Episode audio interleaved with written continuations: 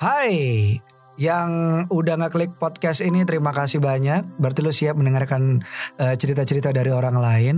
Dan sebelum kita mulai episodenya, kenalan dulu sama temen gue namanya Anchor.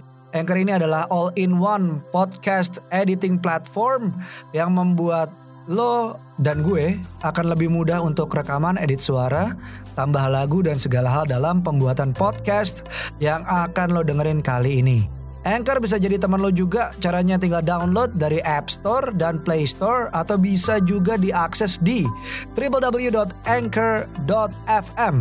Kalau udah dibuat podcastnya, Anchor juga bakal bantuin lo untuk upload hasil rekaman lo ke Apple Podcast, Spotify, Stitcher, dan lain-lain. Download Anchor sekarang juga buat lo yang mau bikin podcast. Halo, selamat datang di Tinar Buko. Terima kasih sudah ngeklik podcast ini dan ini adalah podcast pertama gue Dimas Danang Suryonegoro dan di podcast ini gue tidak akan banyak bicara karena gue akan lebih banyak mendengar. Gue akan bicara apabila dibutuhkan dan diinginkan oleh sang pencerita. Kita akan sama-sama mendengarkan cerita dari siapa pun termasuk mungkin cerita dari lo. Karena di Tinar Buko, sebuah cerita ada bukan untuk dihakimi tapi untuk diambil. Apa pun yang bisa lo ambil untuk dijadikan pelajaran pribadi lo. udah ada banyak yang cerita juga ini sama Mas Danang gitu Hmm. tentang kehidupannya Mm-mm. dan mungkin tentang ini juga kali ya soal insecurity gitu. Hmm. Ini lagi tren banget sih ya 2020 kayak semuanya nih tiba-tiba kayak mengalami ini gitu. Hmm. Dan kebetulan tahun ini juga kayak ya saya bukan bukan psikolog juga, bukan psikiatris gitu, tapi kayak kayaknya sih gitu saya ngalamin ini juga gitu. Hmm. Kayak banyak entah kenapa kayak banyak ketakutan-ketakutan aja karena memang lagi ngelakuin banyak hal yang kayaknya di luar zona nyaman juga Hmm. dan selama ini kayaknya prefer untuk tidak keluar dari zona nyaman. Hmm. Eh, terus juga lagi banyak em, terus apa ya banyak lagi banyak cobaan juga nih masalah keluarga gitu kan. Dan itu terjadi ber, berturut-turut gitu loh berentetan dan kebetulan saya juga tipikal orang yang nggak biasa untuk publish soal kehidupan pribadi sih di sosial media ataupun di mana-mana gitu bahkan ke teman-teman terdekat pun saya nggak ceritain se-privacy itu gitu Hmm. jadi mungkin kalau sekarang lebih kayak pengen tukar pikiran juga sih sama Mas Danang gitu Hmm. kayak soal insecurity atau mungkin pelampiasannya biasanya Mas Danang tuh kayak gimana kalau lagi lagi jadi overthinker gitu atau bingung mau ngapain Hmm. mungkin lebih kayak gitu sih kayak gitu boleh nggak sih kak? Boleh dong. Oh iya Ya udah berarti eh, lu nggak mau ceritain lebih lanjut apa pun ya? Lu mau pendapat gue ya berarti ya? Eh, ceritain tapi masalah keluarga gitu nggak apa-apa kak? Terserah, senyaman lu. Kalau lu nyaman cerita itu ke gue silahkan. Kalau enggak, ya monggo nggak apa-apa. Oh iya. Sebenarnya kalau untuk masa keluarga em, ada juga. Kalau untuk pengalaman pribadi, em, kebetulan saya juga terlahir di keluarga yang kayak ibu saya tuh orang timur. Hmm. Jadi memang didikannya tuh keras banget. Hmm. Sedangkan ayah saya tuh Jawa yang bener-bener halus banget gitu. Hmm. Itu lumayan bentrok kan dan selama selama ini juga ngerasain kayak bener-bener wah ibu saya tuh agak kerasnya bisa sampai kayak main tangan segala macem Hmm. Itu juga lumayan bikin ini sih kayak insecure juga gitu. Takut salah jadi takut buat nyoba hal-hal baru dan segala macam gitu. Hmm. terus juga em, belakangan juga kakak-kakak saya juga lagi ini sih. Maksudnya kakak pertama saya juga lagi hamil besar di dan itu nggak ada yang nungguin. Harusnya saya tapi kayak saya masih kuliah gitu kan. Nggak bisa. Itu juga bikin jadi beban tersendiri juga terus kakak saya yang kedua juga masih sakit juga baru divonis gitu sama dokter Sakit apa? Eh, yang kedua tuh tiroid kak Hmm. kanker tiroid Nah itu saya nggak tahu sama sekali tentang itu sampai akhirnya saya browsing dan sekarang dia nyari lagi cari operasi sih dokter-dokter terbaik gitu. Tunggu sebentar, tiroidnya hiper atau Nah itu saya kurang kurang tahu juga sih kak. Soalnya saya baru tahu istilah itu juga kan. Hmm. Jadi sebenarnya gimana ya?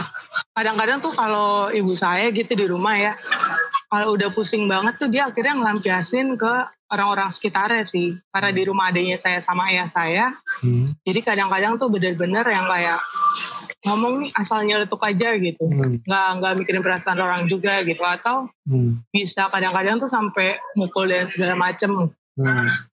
Nah itu, aduh maaf banget ya kak ini. Masalah. Jadi ini kan, em, jadi gimana ya, lebih takut buat ngelakuin sesuatu aja sih. Dan saking bingungnya saya buat buat em, saya ngerasa bahwa orang lain juga punya masalah kan pasti dalam hidupnya kan dan nggak belum tentu mudah juga gitu. Hmm. Jadi sebisa mungkin saya lebih selama ini tuh lebih jadi kayak platform buat orang cerita sih dibanding saya harus cerita ke orang lain. Jadi ini pertama kalinya sih kayak bener-bener se-real ini, se apa ya, bener-bener nggak disensor gitu ceritanya Hmm. karena ya saya juga yakin lah ini lebih lebih terjamin lah gitu sama kalau sama Mas Danang tuh lebih apa ya pure aja sih bisa keluar semuanya juga kan. Makasih ya. Tapi ini Iya, dipublish loh, nggak apa-apa, yakin. Gak apa-apa, gak Oke. apa-apa. Oke. Um, jadi paling saya tuh lebih suka kayak nulis atau enggak di kamar tuh bener-bener di dinding saya tulis semua kayak cerita, coret-coretan, apa gambar segala macam. Yang akhirnya nanti kayak ibu saya lihat ternyata gitu dan dia bisa bisa evaluasi sendiri gitu lama kelamaan udah mulai berubah juga sih. Udah, Cuman udah kan kalau- berubah. Iya, Hmm. mungkin gitu dulu sih kak. Tapi sudah. Ibu beneran udah mulai berubah. Iya udah mulai sih pelan-pelan sih. Cuman ya gimana ya namanya sifat kan ya kak agak sulit sih. Hmm. Tapi udah lebih baik lah gitu. Seiring dengan berjalannya waktu, Hmm. Oke, ya gitu. Berarti banyak banget istilah nih, istilah modern yang masuk ke dalam pikirannya, pikiran lo gitu. Nah, gue mau nanya dulu nih, Eh, ada yang mau diceritain lagi atau lo mau denger pendapat gue? Kayaknya itu dulu sih kak. Oke, berarti kita lihat, kita lihat sama-sama. Yang diselesaikan ini kayaknya Bernadette lebih suka nyelesain masalah yang ada di dalam dirinya dulu nih ya. Oke. Pertama itu Bernadette katanya insecure. Abis insecure, oh, sekarang lagi ada di luar zona nyaman. Nah, zona nyamannya Bernadette itu apa sih? Oh. Biasanya tuh kayak udah stuck sama rutinitas gitu loh kak. Kayak kuliah, udah kuliah aja tuh nggak nggak berani buat nyoba kayak bikin usaha atau segala macam explore yang lain-lain di luar Hmm. perkuliahan itu gitu. Mungkin saya himpunan juga, tapi kayak dikasih tugas job desk apa tuh kayak udah takut sendiri gitu loh, udah parno duluan karena takutnya nggak bagus atau takutnya nggak bisa memuaskan dalam tanda kutip Hmm. gitu. Kayak gitu-gitu sih paling. Nah, terus kenapa sekarang Bernadette bilang gue lagi nggak di zona nyaman nih kak gitu? Ber- Iya karena iya oke. Gak apa-apa apa? Karena karena eh, gimana ya? Maksudnya dengan segala segala masalah itu Mhm. apa ya? Bukan masalah sih segala cobaan itu kayak tetap harus pretend like there's nothing happen gitu. Why? Ya iya gimana gitu karena semakin banyak yang nanya kenapa pun kayak saya ngerasanya saya nggak nggak bisa untuk cerita gitu. Hmm. nggak bisa cerita sembarangan maksudnya kayak kan nggak nggak semua orang juga sedang dalam situasi yang baik-baik aja kan dan saya pikir kayak ya sebenarnya agak agak kurang enak sama orangnya sih nggak enak kan nggak orangnya Nah, itu Itu sih. Sementara s- saat eh, Bernadette saat lu belagak baik-baik saja, orang secara tidak peduli buang sampah ke lu gitu. iya Karena mungkin ya kasarnya gitu sih aku. Enak kayak gitu nggak? Enak nggak kayak gitu? Em, awalnya sih enak-enak aja ya kak ya Hmm. karena merasa bahwa masih bisa nampung gitu loh kak Hmm. masih bisa menampung sampai akhirnya sekarang sekarang udah mulai kayak meledak gitu Hmm. Berarti enak atau enggak? nggak enak sih sampai sekarang sih Oke, berarti kenapa menjadi tempat cerita orang tidak enak? Sementara kita berdua ngelakuin. iya Kenapa? Kenapa tidak enak kalau di Bernadette? Kalau gua, kalau gua enak. Karena gua ha- ada kepentingannya. Itu dulu. Kalau gua ada kepentingannya. Bernadette apa kepentingannya untuk mendengarkan cerita orang? kalau saya lebih kayak ngerasa mungkin orang juga butuh platform gitu loh kak Itu kan kepentingannya orang. Kepentingannya Bernadette apa mendengarkan orang cerita?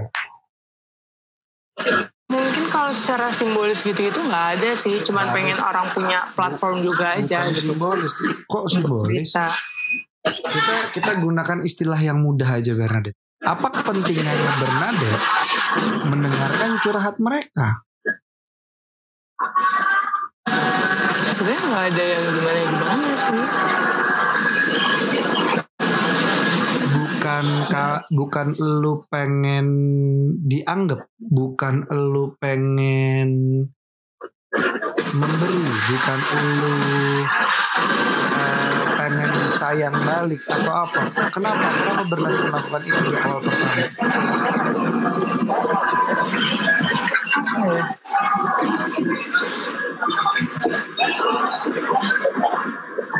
Kayaknya sih emang nggak ada sih kak. Kayaknya ya nggak tahu ya mungkin belum disadarin aja sih. Hmm. Hmm. Tapi Iya kayaknya sih sejauh ini belum ada ya. pengen terlihat dewasa, pengen terasa dewasa, pengen pegang kendali, itu ada nggak di perasaan Bernadette? Enggak juga, karena saya juga belum dewasa ya kayaknya. ya. Hmm, hmm. Atau atau sekitar melihat lu terlihat kuat, jadi orang nyaman cerita sama lu. Hmm, bisa jadi mungkin ya, Bisa jadi. Oke. bisa jadi. Berarti kita harus menemukan dulu nih kepentingannya Bernadette apa mendengarkan cerita orang-orang itu. Karena kalau tidak ada kepentingannya buat apa? Karena lu sendiri udah kompleks ditambahin cerita orang. Tambah kompleks mau ngapain? Iya. Oke. Oke. Iya.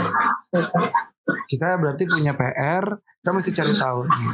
Karena kalau nggak penting lupain aja ngapain. Iya, siap siap.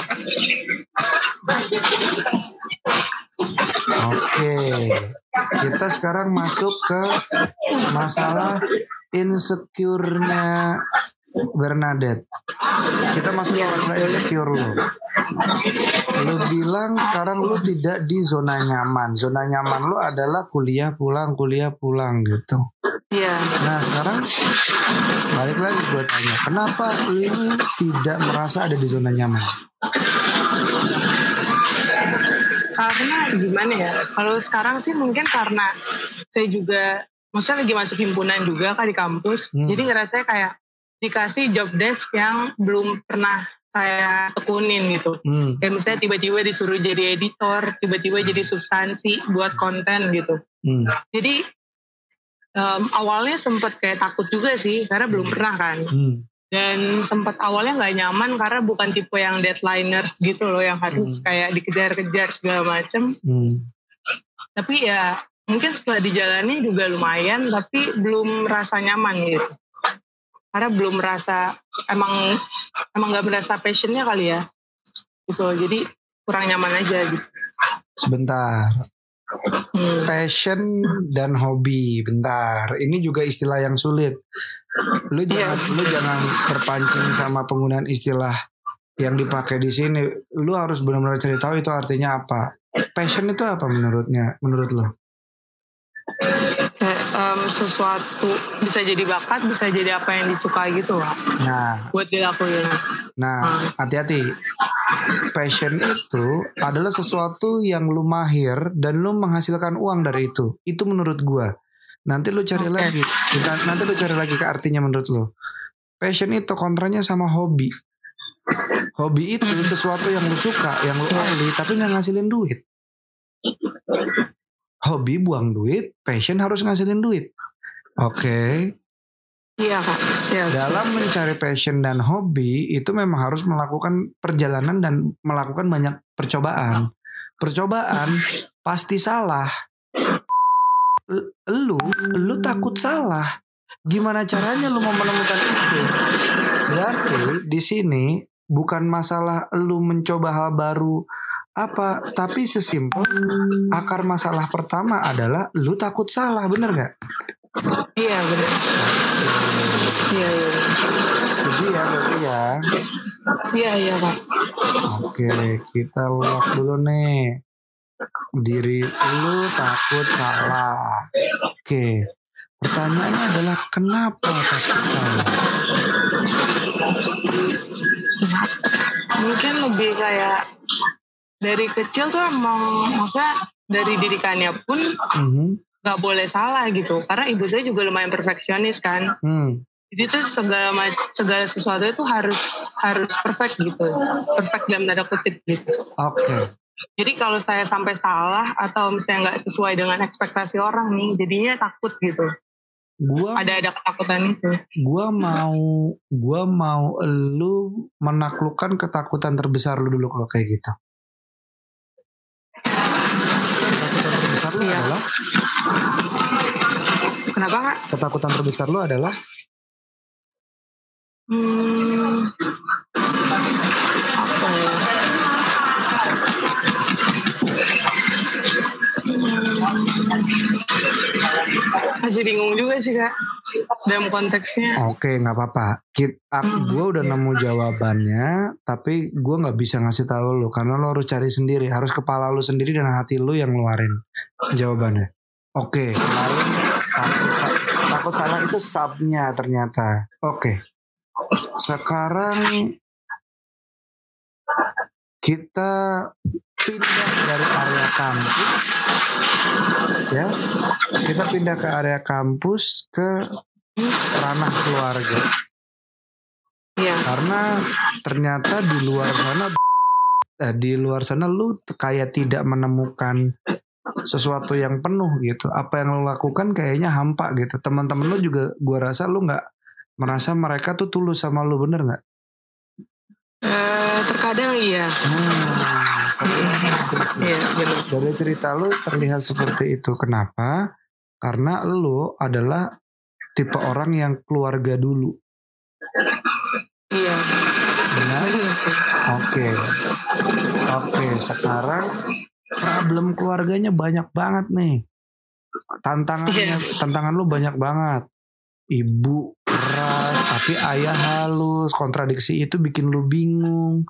Terus eh, kakak lagi hamil tapi nggak ada yang nemenin. Satu lagi kakak kena kanker tiroid. Semua jadi beban lu. Iya. Pertanyaannya buat apa? Buat apa?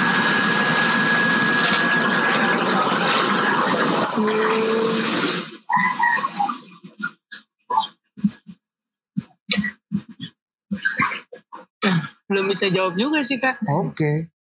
Iya. Karena gua melihatnya di sini, lu itu pengen terlihat mandiri, bener nggak?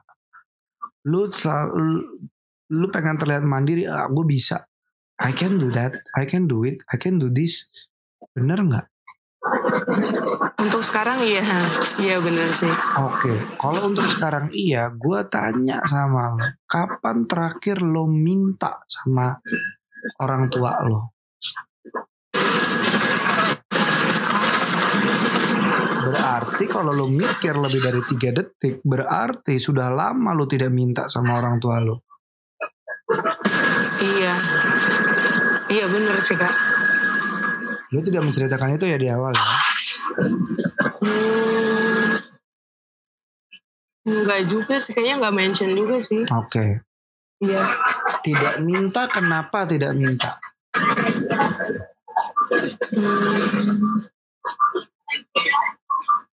Mungkin karena nggak mau menambah beban orang tua aja kali ya. Nah, oke.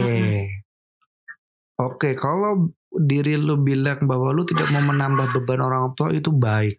Itu baik, anak baik, hebat. Pertanyaan gua, yang orang tua lu mau tuh apa sih? Dalam konteks apa dulu nih kak? Konteks menjadi orang tua. Jadi orang tua. Coba dibayangin aja, dibayangin. Hmm, Gue juga belum pernah jadi orang tua. iya. Coba dibayangin, apa Ah. sih yang dimau ya? sama orang tuanya? Lu? Ayah sih nggak pernah minta apa-apa ya. Hmm. Maksudnya nggak pernah bilang secara langsung gitu. Hmm. Kalau ibu pengennya em, anak-anaknya ikut kemauan dia aja. Oke. Gitu sih. Heeh. Halo, gua mau ngingetin kalau nggak cuma gue yang bisa bikin podcast, tapi lo juga bisa. Mulai dari eh, rekaman, edit suara, tambah lagu, sampai drag and drop sana sini bisa lo lakuin sendiri dengan platform Anchor. Satu aplikasi buat semua kebutuhan podcast. Dan Anchor ini gratis, bisa di-download dari App Store dan Play Store atau bisa juga diakses dari website www.anchor.fm. Nggak cuma buat, tapi lo juga bisa langsung share and publish hasil rekaman lo ke Apple Podcast, Spotify, Stitcher, dan lain-lain dari Anchor ini. Gampang bukan? Bukan gampang. Jangan lupa pakai Anchor buat podcast jadi lebih mudah. Kemauan udah pasti baik ya. Iya. Perfect gitu ya. Gua kasih lo fondasi untuk berkomunikasi sama orang tua lo. Perfect tuh apa sih? Sempurna kak. Sempurna itu apa? Em, sesuai dengan keinginan kita mungkin nggak ada yang salah gitu atau gimana? Loh, sempurna nggak ada yang salah, Nggak ada yang miss gitu iya. nggak ada yang miss. Sekarang gue tanya sama lo, siang tanpa malam sempurna nggak? Siang terus. Enggak juga sih kak. Baik tanpa jahat sempurna nggak? Kenapa? Baik tanpa jahat sempurna nggak? Enggak juga sih kak. Loh, jahat loh. Oke oke sebentar, ini kayaknya rumit buat lo. Benar dengan salah, benar tanpa salah itu sempurna nggak? Menurut saya sih sempurna ya harusnya ya. Karena Benar. bisa belajar. Oke, kalau benar tanpa salah itu sempurna, bagaimana cara membuktikan kebenaran itu? Gua tanya sama lu, satu tambah satu berapa? Berapa? Satu tambah satu di SD diajarinnya berapa? Dua kak. Menurut gua empat. Kalau kita sama-sama anak SD, yang dapat nilai bagus siapa? Yang jawabannya benar siapa? Yang pinter. Yang benar. Yang benar. Iya. Jadi kebenaran itu terbukti karena ada yang salah dong. Iya benar. Berarti benar tidak bisa menjadi benar kalau tidak ada yang salah. Iya betul. Oke, kalau benar berdiri sendirian tanpa salah, sempurna atau tidak dia? Enggak, enggak sempurna. Kenapa?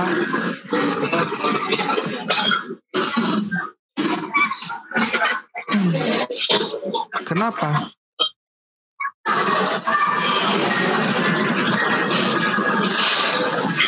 Karena jadi nggak bisa tahu juga yang mana yang benar dan mana yang salah juga. Nggak bisa belajar. Karena sempurna itu berarti semuanya, Neng. Include yang jelek, include salah, include semuanya. Kalau perfect itu yang baik-baik doang, jangan bilang perfect. Jangan bilang itu perfect. Pikiranmu bilang mama perfeksionis. Mama itu bukan perfeksionis, mama itu strict to order. Iya benar.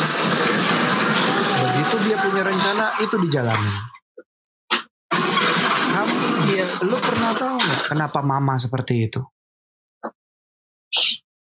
Enggak juga sih. Bayangin nggak? Bayangin nggak? Mama sama papa, mama sama papa, nggak ada yang ngasih tahu lu kenapa mereka bersikap seperti itu. Gimana caranya supaya lu nggak bingung?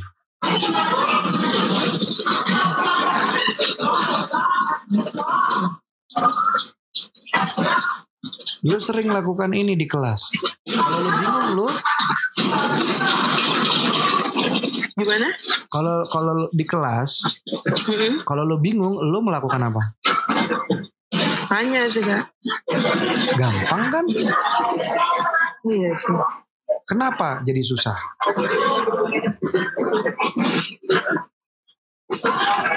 Balik lagi ke masalah yang pertama. Kamu lu takut salah. Bener nggak? Iya benar. Benar banget sih. Lu takut sa- Pertanyaannya lebih besar mana sekarang gue tanya sama lo rasa takut lo akan kesalahan atau keinginan lo untuk ringan langkah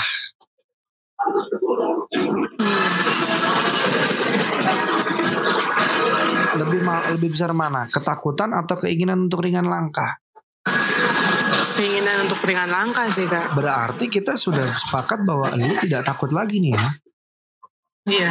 Oke, lu mau berusaha untuk tidak takut. Lu berusaha untuk mencari tahu kenapa mama seperti itu, kenapa papa seperti itu. Setuju? Oke. Iya. Berarti berarti kemungkinan terburuknya apa?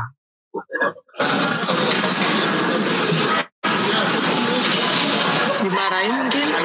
Udah pernah belum? Kenapa? Udah pernah belum? Sering juga sih. Berarti nggak ada masalah dong, kan udah sering. iya. Dipukul mungkin. Udah pernah dipukul? Udah, udah pernah. Udah ada masalah dong, udah tahu, udah inget kan rasanya? Iya. Oke. Diusir pernah? Kenapa? Diusir? Kenapa kak? Diusir, diusir. Ah, cuman omongan doang sih. Oke, berarti Belum belum kejadian. Oke, jangan sampai kejadian tapi lu udah tahu rasanya ya. Udah, udah. Apa yang lu takutin? Lu udah pernah nyobain semuanya. Gue tahu rasanya nggak enak, tapi itu bagian dari kesempurnaan kan. Iya benar.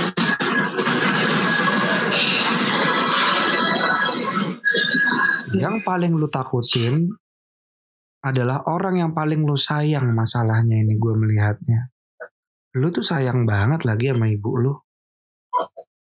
Iya nggak? Iya kak. gue melihat ada kesempatan untuk lo berbicara dengan ibu lo, lo harus bicara terpisah sama bapak dan ibu. Bapak dan ibu yang satu halus yang satu keras bukan urusan lo itu urusan mereka, neng. Gak usah lo bingungin. Kenapa ya begitu? Ya udah biarin aja nikmatin aja.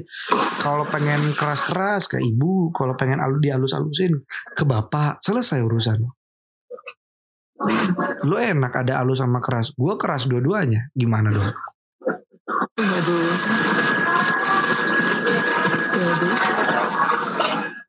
Gitu.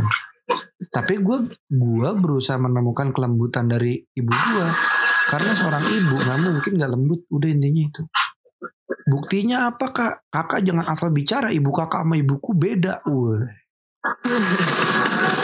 melihat tulisanmu di dinding ibumu mulai berubah Iya. Hmm. oke Iya. Apalagi begitu kamu bicara dengan air matamu karena keluar air mata itu tulus.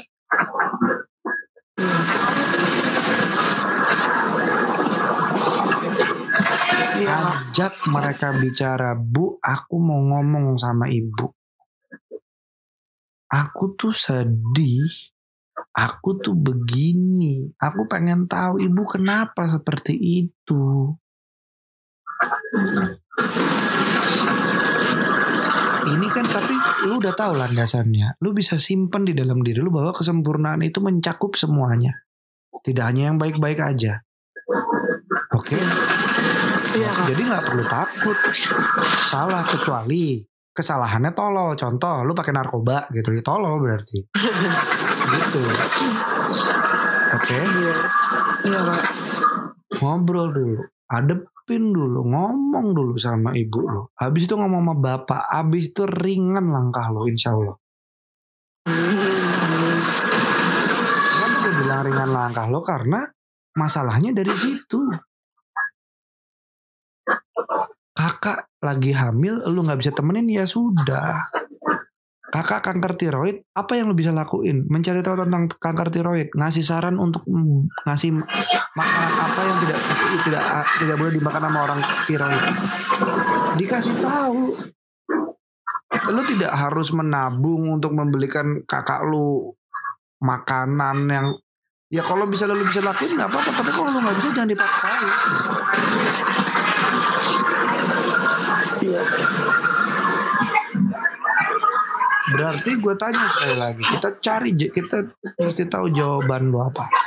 Ketakutan Iya. terbesar lu adalah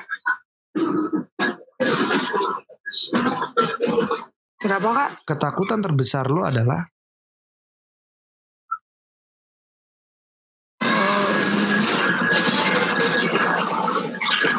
Masih belum tahu, belum tahu pasti. oke. Gue boleh jawab nggak? Iya boleh boleh kak. Ketakutan terbesar lu adalah ibu lu sendiri.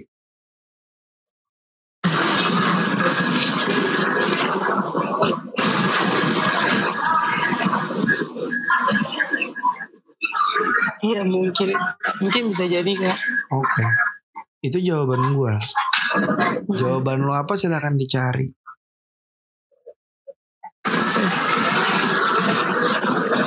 Seorang ibu tidak suka ditakuti. Harusnya, Iya, harusnya. Oke. iya, Kalau lu takut, lu tidak mau bicara, lu akan menganggap mereka tidak ada. Atau mereka merasa kalian semua tidak menganggap mereka. Makanya tadi gue punya pertanyaan, apa sih yang dimau sama orang tua? Apa?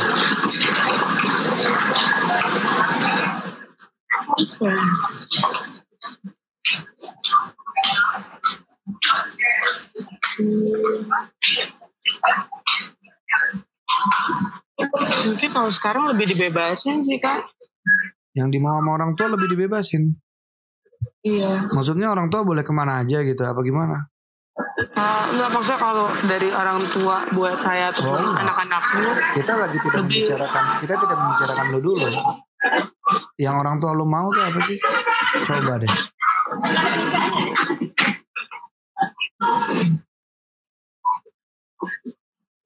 kalau sekarang kayaknya saya belum tahu sih kak belum tahu pasti. oke kita kita bicara sesuatu yang deket sama lu. Iya. kenapa sih?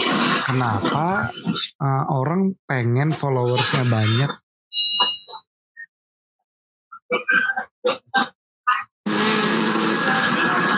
Ingin merasa dianggap mungkin. betul. Karena kalau orang dilupakan dia benar-benar mati. Sekarang anaknya udah pada gede-gede udah pada pinter Iya sih. udah pada sendiri-sendiri. Yang satu di Bali, yang satu lagi punya sakit, yang satu lagi kuliah, pulang ke rumah murung. Mereka merasa tidak berdaya. Mereka punya batasan.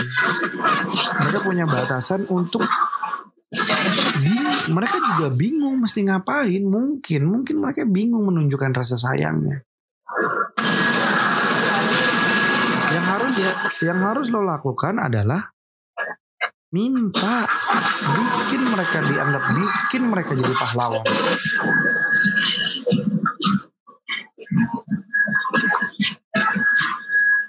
Supaya mereka tidak merasa tidak dianggap. Minta sama dia. Sekarang WhatsApp mama. Ma, aku aku di kampus nggak selera makan. Aku pengen makan titik titik titik. Bisa nggak ya Mah ya? Lu lagi pengen makan apa? Kenapa? Lu lagi pengen makan apa? Um, kangkung mungkin. Iya, Kangkung masakan ibu. ya udah minta ke ke nih ini jam 2 di pasar nggak ada pasar kagak ada yang buka eh kecuali pasar Santa nih jualan Iya. piringan hitam lu bilang sama ibu bu di kampus aku tidak selera makan. Aku mau kangkung masakan ibu. Bisa nggak bu tolong masakin? DM gua hasilnya apa? Kita tidak usah jauh-jauh dulu bicara banyak hal. Insecurity, overthinking, eksplorasi, bla bla bla bla bla. Lo takut sama ibu lo yang harusnya lo sayang dan lo lindungi nanti Bu. Kalau memang sempurna itu seperti yang disampaikan. Iya. Gua rasa jawaban dari apa kepentingan lo denger cerita orang karena lo pengen dianggap Iya buat apa dianggap tapi nyakitin diri sendiri buat apa yang harus menganggap diri lo sendiri itu siapa Diri sendiri kan. gimana caranya Lebih mengapresiasi diri sendiri aja. gimana caranya jangan menggunakan istilah sulit Mungkin yang Oke, jangan menggunakan oke. istilah sulit gimana Ah. caranya mungkin kalau sekarang nggak nggak dengerin cerita orang dulu sih. boleh dong Iya. bilang makasih ke diri sendiri udah pernah belum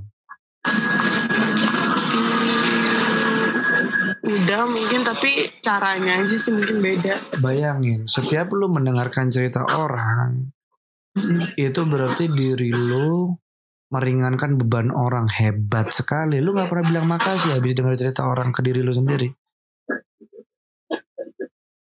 Enggak sih hal-hal kecil neng hal-hal kecil yang harus lu perhatiin. Hal-hal kecil.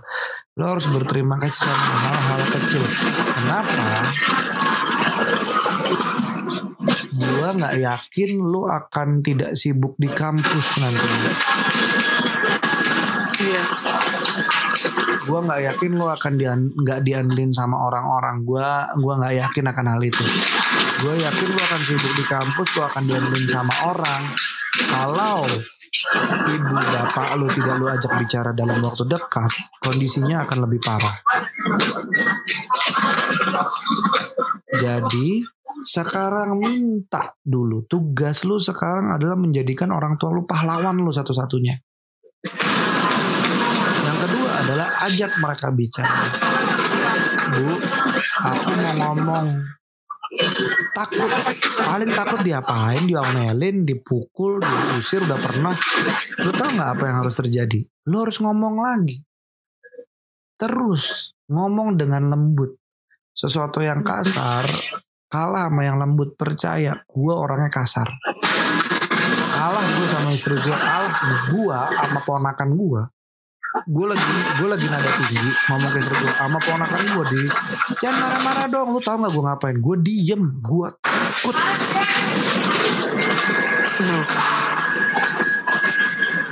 Ingat batu kalahnya sama apa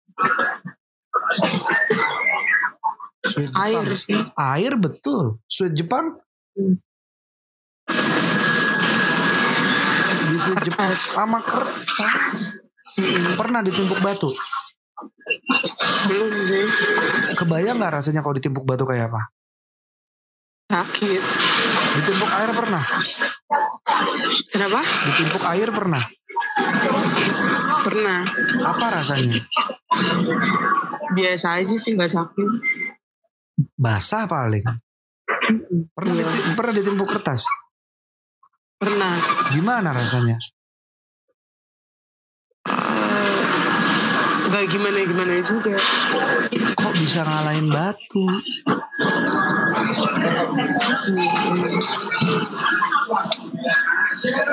Lu punya kesempurnaan bapak dan ibu lu neng. Lu harus bersyukur.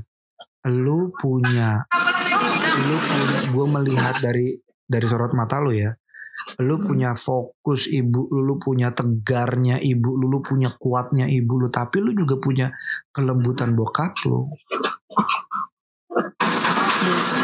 gue gue melihat bapak ibu lu bukan orang yang suka menunda pekerjaan gitu gue ini cuma feeling dari cara lu ngomong, dari cara lu cerita ya. Iya. Itu ada di lu. Itu kenapa gue nggak yakin lo akan nganggur nanti di kampus. Iya. Lo akan dibutuhin banget sama sama teman-teman di kampus.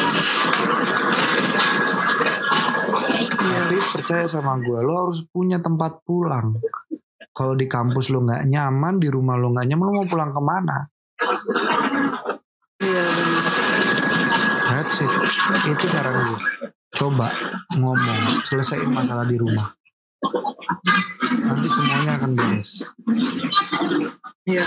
Sebelum lo makin sibuk, ngerti gak? Iya. Terus sibuk lo di kampus. Siap. Ntar Iya, abis, sibuk di kampus nanti pas magang banyak yang suka juga sama lu nanti sama cara kerja lu. Iya kak. Ribet nanti. Oke? Oke. Iya kak. Siap. Siap. Tolong kabarin update-nya seperti apa. Ibu tidak akan marah. Kalaupun ibu marah itu skema pertahanannya pertahanannya dia supaya dia terlihat seperti lu. Supaya dia terlihat tegar. Supaya dia terlihat kuat. Gue merasa kenapa ibu lu harus terlihat kuat karena hidupnya keras. Tapi kan kita nggak tahu apa yang dialami sama dia. Iya. bener. Iya Bapak, betul sih kak. bapak jadi halus juga gue yakin hidupnya juga keras. Cuma ibu memilih untuk mengamplifying kerasnya itu. Bapak memilih untuk menjadi lembut. Gue pernah punya teman yang satu, Iya. yang satu, yang satu kelakuannya kayak mafia. Lo tau mafia nggak? Sama keluarganya tuh kayak lembut di luar buset deh. Brutal banget. Hidupnya keras, betul keras.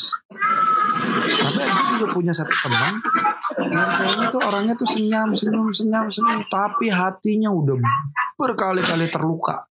Fisiknya juga udah udah berkali-kali terluka. Tapi dia dia jadi orang yang lembut. Karena dia merasa gue nggak mau nyakitin orang.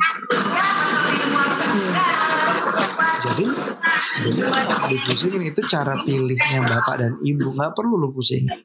Gak usah lu pusingin hal yang nggak perlu lu pusingin. Oke? Iya kak. Siap. Oke. Ya sudah. Begitu kira-kira. Sukses Iya, ya. Semoga lega ya. Iya kak.